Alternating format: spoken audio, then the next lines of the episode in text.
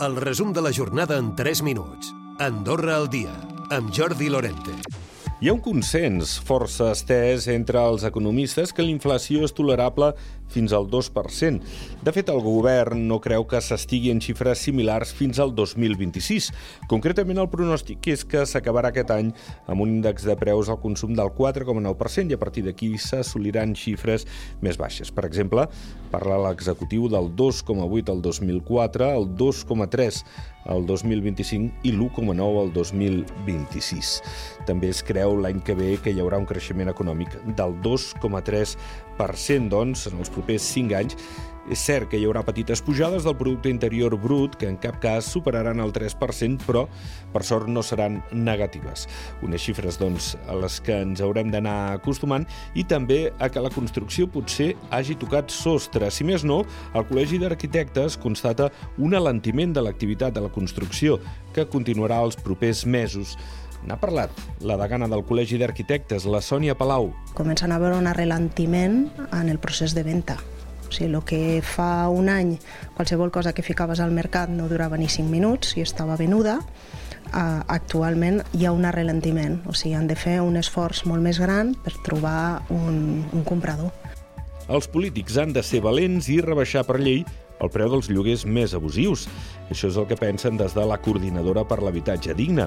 De fet, aquest dilluns, el Joan Ramon Crespo s'ha passat per l'avui serà un bon dia. Diu que sobretot cal eliminar els abusos. Hi ha límits, tindria que haver-hi límits. Aleshores, el primer que haurien d'agafar és ser molt, però molt valents, eh? Agafar i dir, bueno, tota gent, tots aquests propietaris que han fet això, agafar i fer una reversió, és a dir, tornem enrere.